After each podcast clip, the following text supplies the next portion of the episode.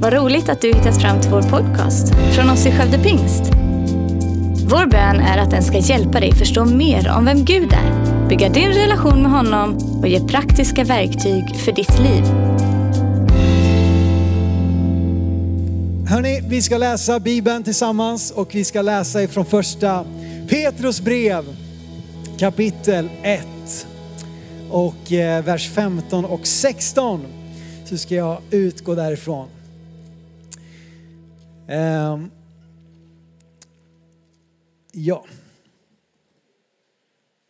Det står så här. Nej, liksom han som har kallat er är helig ska också ni vara heliga i allt ni gör. Det står ju skrivet, ni ska vara helig, för jag är helig. Ni ska vara helig, för jag är helig. Det är Gud som talar och säger om sig själv, jag är helig. Jag vet inte hur många av er här inne som skulle kunna säga det, jag är helig. Om det, om det är ett sätt ni använder för att beskriva vilka ni är. Man säger kanske jag är, jag är brandman eller jag är snickare. Men du skulle, du som har en tro på Jesus skulle kunna säga jag är helig. Um, och det känns bara wow. Nu, liksom, nu blir det ett stort gap här mellan oss. Men jag ska försöka förklara vad jag menar med det. Om du bara fick använda ett enda ord för att beskriva Gud. Vilket ord skulle du använda då? Ett enda ord. Nu är ni ju här, nu kan ni få, liksom, är det någon som vågar kasta ut? Vad skulle ni använda för ord? Kärlek, absolut, där har vi ett ord. Trygghet, jajamän. Stor, yes, absolut, det finns många ord. Vi kan tala om Gud som god, som far, som allsmäktig, som frid, som skapare, som frälsare. Allt detta är sant. Och faktum är att Gud själv använder en mängd olika namn för att förklara för oss vem han är. Nu går jag lite i mitten här, känner jag långt ifrån här borta. Glider undan lite här. Eh, Gud använder en mängd olika ord, men det finns ett attribut genom vilket alla andra behöver förstås igenom. Och det är det faktum att Gud är helig. Gud är helig. Alla andra attribut för Gud behöver förstås genom det att han är en helig Gud. Och vad betyder då det? Jag skulle säga Gud är helig, ja men då är vi nog med på banan. Skulle säga jag är helig, då tycker nog många det här blir obekvämt. Precis som du kanske inte säger jag är rättfärdig. Brukar du säga det, jag är rättfärdig. Det, det, låter liksom lite, lite självupptaget, det låter lite uppblåst. Men faktum är att det är det vi är som tror på Jesus. Heliga, rättfärdiga. Du vet att det här attributet att Gud är helig, det är också unikt för det är det enda attributet i Bibeln som upprepas tre gånger. Att det säger samma ord. Både när Jesaja får en syn av Guds tron i himlen och när Johannes i Uppenbarelseboken får en syn av Gud i himlen så ser de änglarna som sjunger. Vad sjunger änglarna? Helig, helig, helig är Herren Gud Sebaot. Härskarornas Gud betyder Sebaot ungefär. Helig, helig, helig. De sjunger inte trevlig, trevlig, trevlig. De sjunger inte heller god, god, god. De sjunger inte ens kärlek, kärlek, kärlek. Utan de sjunger helig, helig, helig. Och det är för att vi ska förstå att Gud är helig. Exakt. Det finns en poäng. Gud är helig. Och ett möte med Gud är ett möte med hans helighet. Och när vi ser honom sådan han verkligen är, så tror jag att vår respons blir tillbedjan, förundran, respekt, vördnad. Bibeln använder begreppet Guds fruktan som är ännu ett ord som vi tycker är lite negativt laddade. Guds fruktan, ska jag verkligen gå och frukta Gud? Ja, det ska vi. Men vad det betyder är att visa vördnad, visa respekt, att ära, att tillbe. Det är vad det är att ha Guds fruktan. Vad betyder då helig? Jo, helig betyder, det, det, om jag bara ska använda ett ord för att beskriva helig skulle jag använda ordet avskild. Avskild. Men det betyder också upphöjd, annorlunda, separat. Och Guds helighet betyder bland annat att han är avskild, frånskild från all synd. Gud kan inte i sitt väsen ha kontakt med synd. Det brinner upp, det, det går sönder, det, det, det sprängs. Synd som kommer i kontakt med Gud direkt, det går under. Därför att Gud är helig. Vi talar ibland om Guds, som, alltså Guds transcendens, om du vill använda ett fint teologiskt ord så är det Guds transcendens. Att han är hög, han är helig, han är upphöjd över allt annat skapat. Ingenting kan jämföras med Gud. Han är i en helt egen liga, på en helt egen nivå. Och därför är han den enda som är värd vår tillbedjan, för ingen är lik honom. Ingen annan kan mätas med Gud när det kommer till vem som är värd att tillbes. Och med det sagt så tror jag att vi kan kämpa lite med det här med helighet, Guds helighet. Det är mycket enklare att säga att Gud är kärlek. Och förstå mig rätt nu, allt, alla de andra orden vi sa, det är helt sant. Allt det om Gud är sant, även det faktum att Gud är kärlek, vilket borde få oss att liksom blow our mind, att Bibeln säger att Gud är kärlek.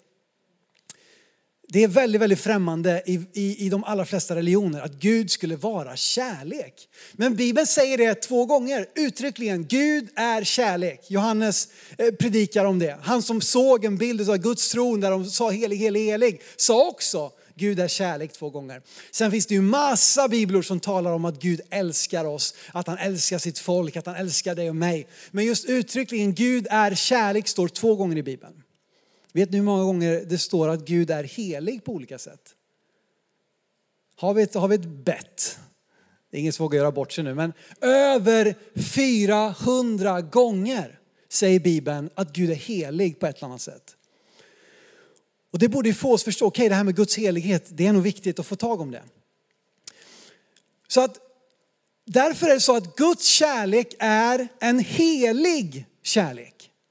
Det är inte bara vilken kärlek som helst. När vi bara säger Gud är kärlek, du vet vårt samhälle har väldigt ofta en definition eller hundra definitioner av vad kärlek är.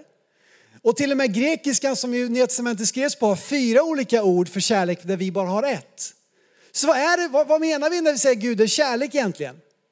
Ja, vi kan mena en väldig massa saker. Men om vi säger att Gud har en helig kärlek, eller Gud är helig kärlek. Guds typ av kärlek är helig. Du vet, vi, vi använder ju begreppet villkorslös kärlek och det är helt sant. Guds kärlek för dig är villkorslös. Han älskar dig oavsett hudfärg, oavsett kön, oavsett bakgrund, oavsett om du kallar dig kristen eller inte är Guds kärlek för dig villkorslös. Men det betyder inte att Gud är villkorslös. Det är skillnad på det. Att Guds kärlek för dig är villkorslös men Gud är inte villkorslös.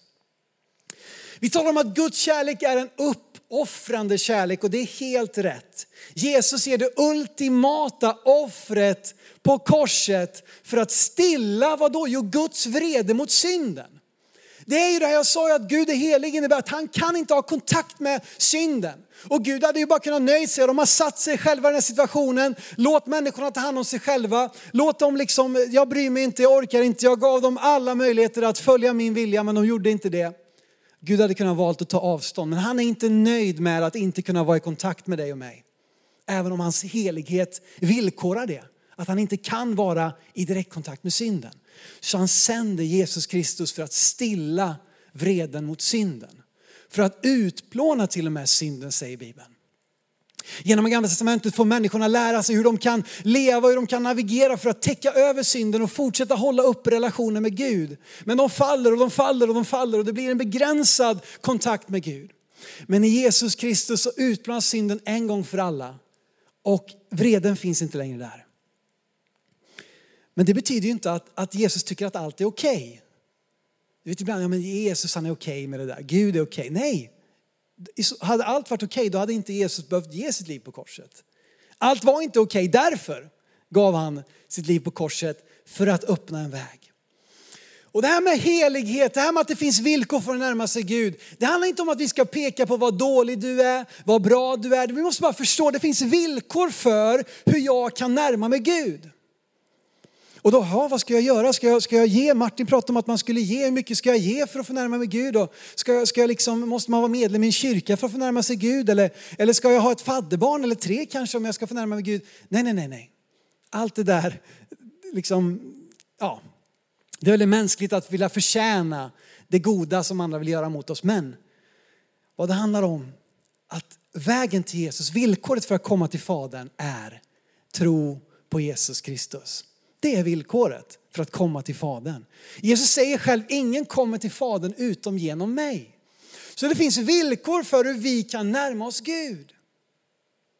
Och det står ju vidare här i det vi läste i början här, ni ska vara heliga. För jag är helig. Ni ska vara heliga. Okej, okay. hur funkar det då? Jag, jag är ju inte som Gud direkt.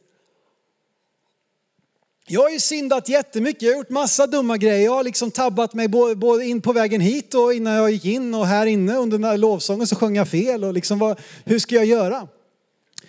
Hur ska vi kunna vara heliga? Hur är det möjligt?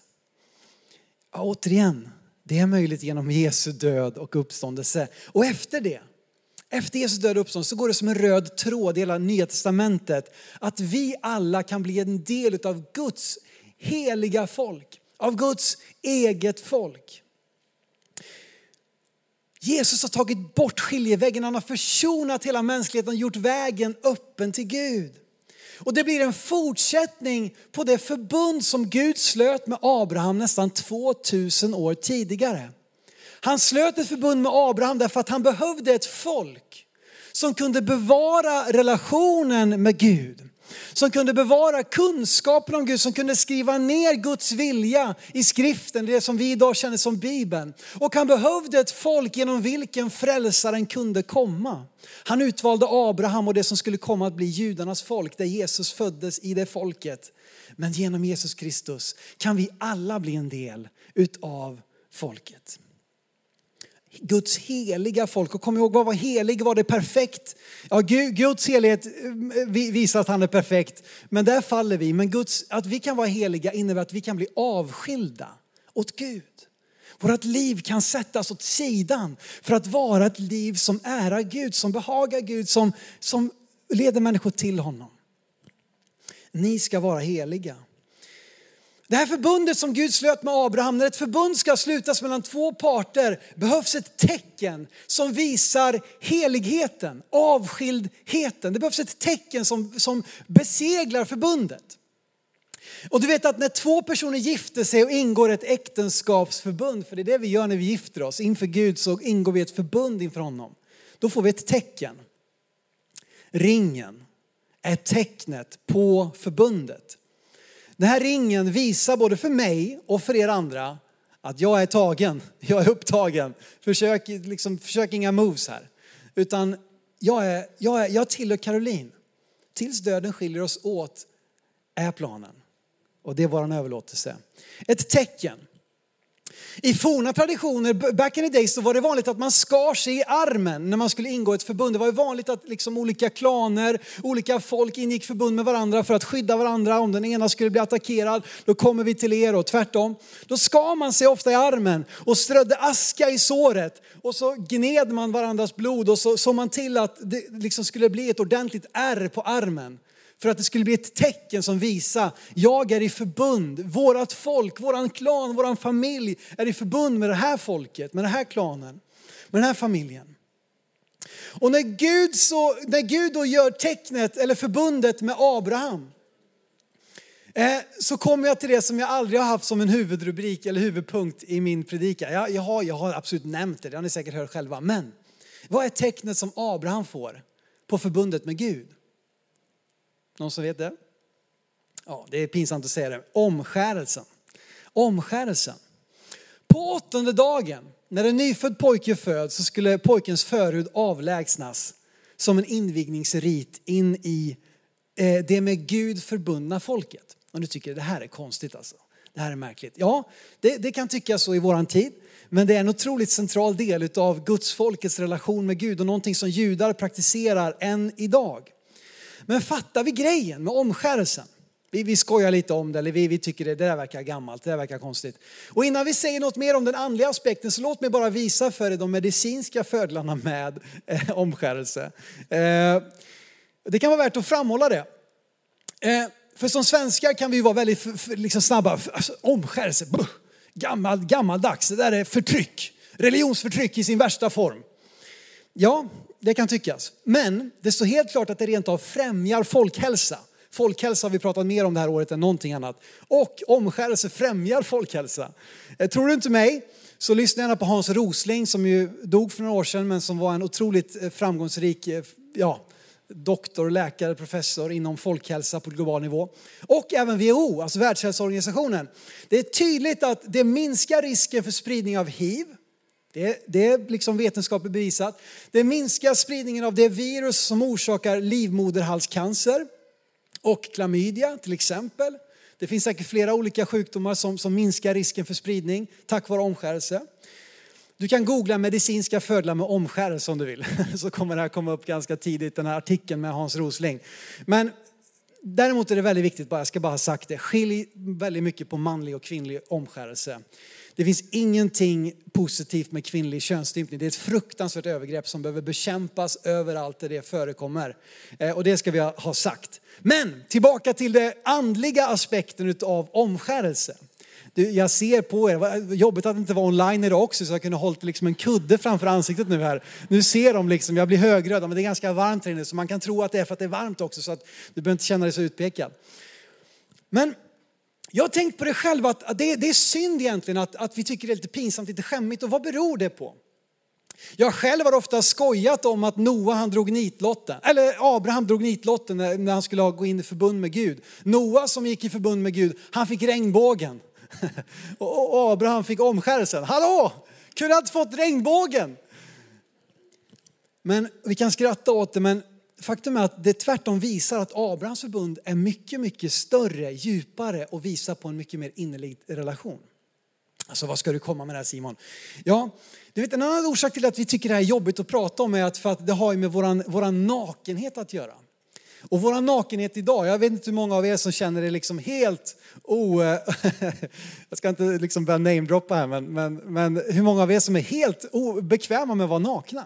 Det finns säkert en och annan, men de flesta förknippar ganska mycket skam och sku, liksom, man skäms lite, vara naken, usch. Liksom. Och det är lite jobbigt den gången man måste vara på gymmet eller bad, badhuset eller vad det är.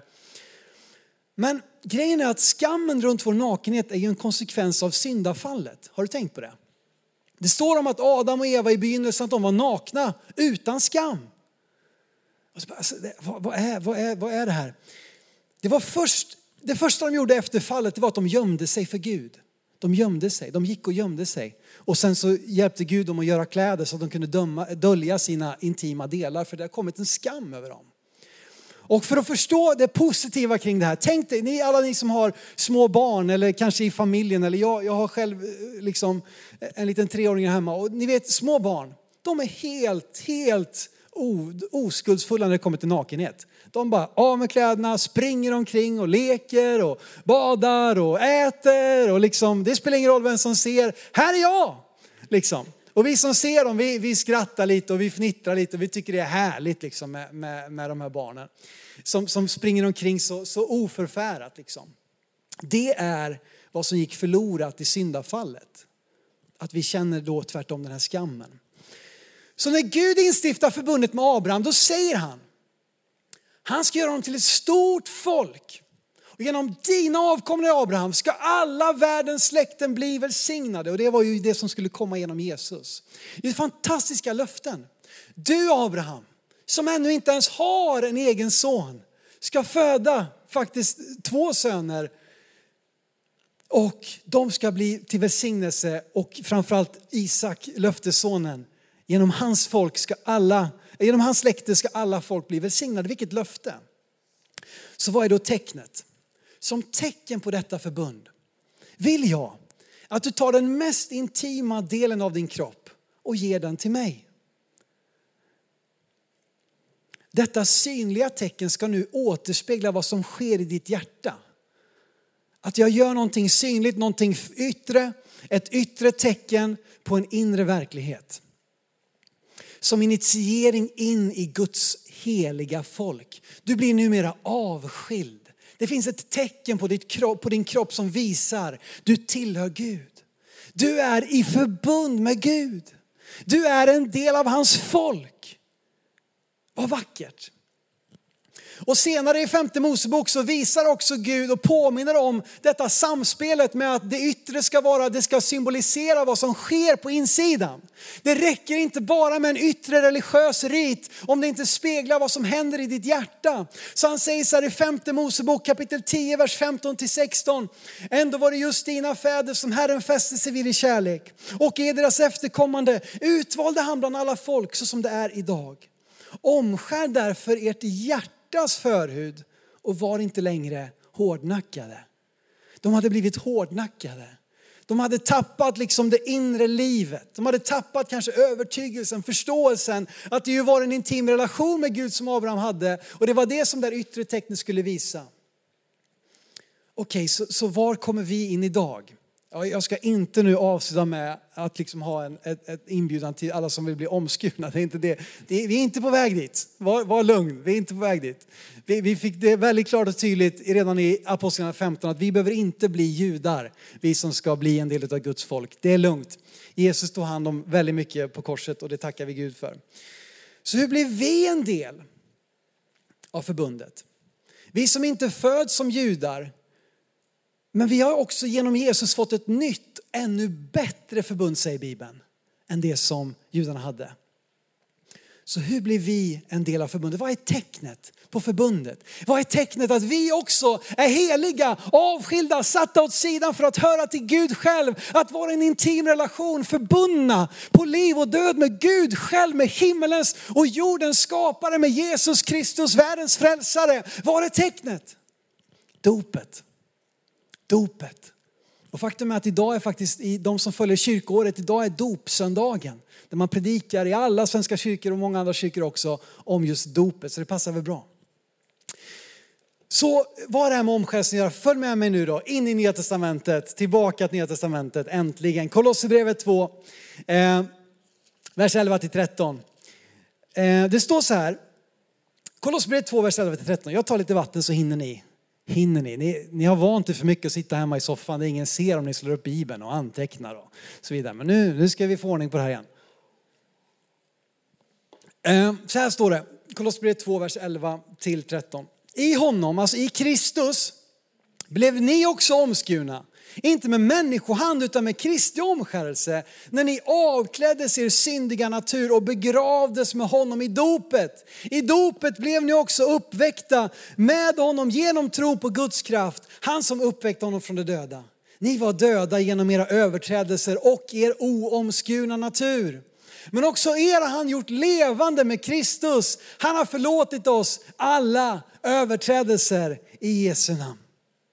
Detta är dopets betydelse. Liksom omskärelsen var invigningen in i Guds folk så är dopet vägen in i Kristi kropp för oss idag. I en och samma kropp, blir vi alla, eller i en och samma ande blir vi alla döpta för att höra till en och samma kropp. In i Kristi kropp som är församlingen, den världsvida men också den lokala. Vägen in i församlingen är genom dopet. Ett yttre tecken på en inre verklighet. Det börjar alltid här inne. Det var det Gud var tvungen att säga till folket. Hallå, det räcker inte att ni bara omskär er om det inte också är så att ni för vidare tron på, relationen med, förståelsen av vem jag är. Och det börjar alltid här inne i hjärtat. Hjärtats tro som också sen blir ett steg att låta döpa sig. De hör ihop.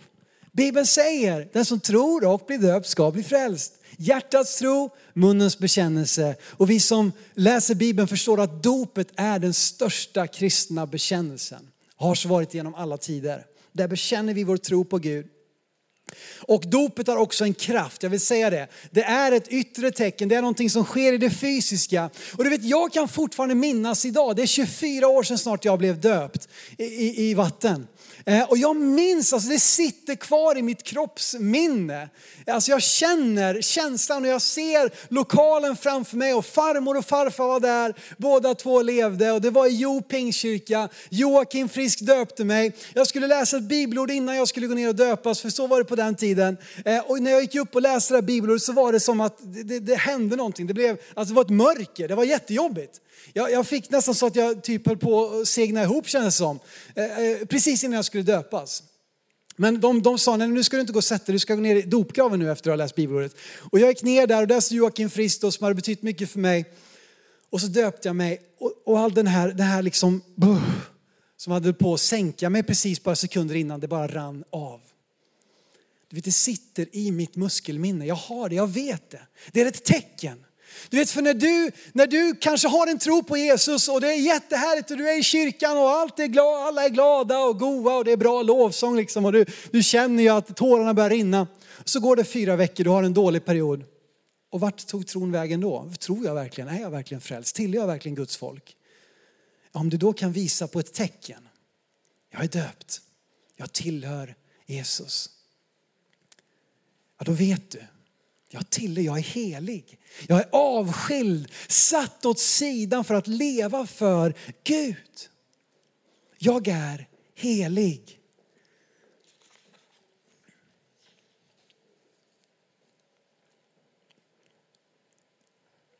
Och det här ska inte få oss att slå oss för bröstet och visa, se på mig, hur bra vi är. Titta här i Pingstkyrkan, här är de riktiga kristna. Nej, nej, nej, inget sånt. Det är inte det det handlar om. Det finns en öppen hand, en utsträckt hand till var och en. Det var det vi sa från början. Att Jesus har gjort vägen öppen för alla folk. Nu är det inte längre bara ett folk som kan genom särskilda, särskilda förbund, särskilda lagar ha kontakt med Gud. Utan alla folk, varje människa, man, kvinna, ung, gammal.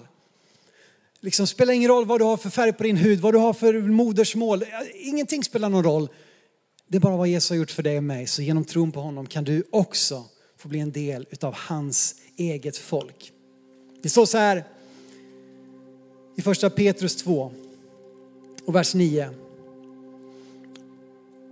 Så det här ska inte få oss att distansera oss från andra människor. Det ska skickliggöra oss att kunna bjuda in en till och en till. Det är en generös inbjudan, en utsträckt hand till var och en. Och tack och lov så är det inte omskärelse längre som är vägen in, utan dopet i vatten. Och här behöver vi förstå, det här är min plats. Det här är min position. Det här är den jag är. I honom stod det. I Kristus. Det är min position. Jag är ställd i Kristus. Jag är påklädd, iklädd Kristus. Nu lever inte längre jag, säger Paulus, utan Kristus lever i mig. Så vi behöver lära oss att förstå vad vi, vilken plats vi har i Kristus. Så att vi inte lever i vår situation. För det vet vi de sista 15 månaderna, vår situation, den förändras, den skakar, den är besvärlig, den är jobbig. Men vår position, vår position är i Kristus. Första Petrus 2, vers 9, vi ska sluta med det. Vi kan väl ställa oss upp faktiskt, vi som är här inne. Nu har ni suttit länge och det är varmt här inne, jag förstår det. Vi ska fixa lite fläktar och allt möjligt. Men... Och ni som är där hemma, sitter du och följer med, ställ gärna upp du också. Jag tror det kan vara viktigt bara liksom, nu är det någonting på gång, nu ska vi läsa ett bibelord. Och så tänker du på dig själv. Läs in dig själv. När vi står ni, tänk vi, jag. Ni är ett utvalt släkte ett kungligt prästerskap, ett heligt folk, ett Guds eget folk för att förkunna hans härliga gärningar. Han som har kallat er från mörkret till sitt underbara ljus. Ni är, du är ett heligt utvalt släkte. Jag är helig. Jag är avskild, satt åt sidan av Gud. Och du som säger, Simon det, det låter jättebra men jag har aldrig sagt mitt ja till Jesus. Jag har inte blivit döpt. Vet du vad, då finns det tid för dig. Just nu ska du få möjlighet att säga ditt ja till Jesus. Och ni som är inne, bara ta en liten stund och blunda där du står. Vi ska inte göra något konstigt men att blunda kan vara ytterligare ett sätt. Vi står upp, vi blundar, vi fokuserar. Gud, vad säger du till mig just nu? Vad vill du säga? Vad vill du göra i mitt liv just nu? Och du som är med oss hemifrån, även dig. Vad är det som Gud säger till dig? Är det ett ja som väntar? Har du tappat bort din position i Kristus, även ni som har varit kristna kanske längre än jag till och med? Har ni tappat bort den positionen och börjat leva i alla omständigheter, alla situationer och blivit som vilket folk som helst och glömt bort att du är i Kristus? Då vill jag bara ge dig en inbjudan just nu att komma tillbaka, att hitta rätt. Vare sig du behöver komma tillbaka in i din position, ställa dig på rätt plats igen. Eller om du vill säga ditt ja till Jesus, kanske fatta beslut här och nu att låta döpa dig i vatten, invigas in i Guds eget folk. Avskilt åt Gud. Tack för att du lyssnat. Dela gärna podden med dina vänner och glöm inte att prenumerera så du inte missar nästa predikan. Om du har några frågor eller vill att vi ska be eller tacka för något tillsammans med dig så får du gärna höra av dig till kyrkan skövdepingst.se. För oss är veckans höjdpunkt söndagens gudstjänst och det vore så kul att träffa dig där. Våra team finns då redo att ta emot dig och det finns även egna samlingar för barnen. Du hittar mer information om oss, vilka vi är och våra olika mötesplatser på skövdepingst.se. Gud välsigne dig och ha en fortsatt bra vecka.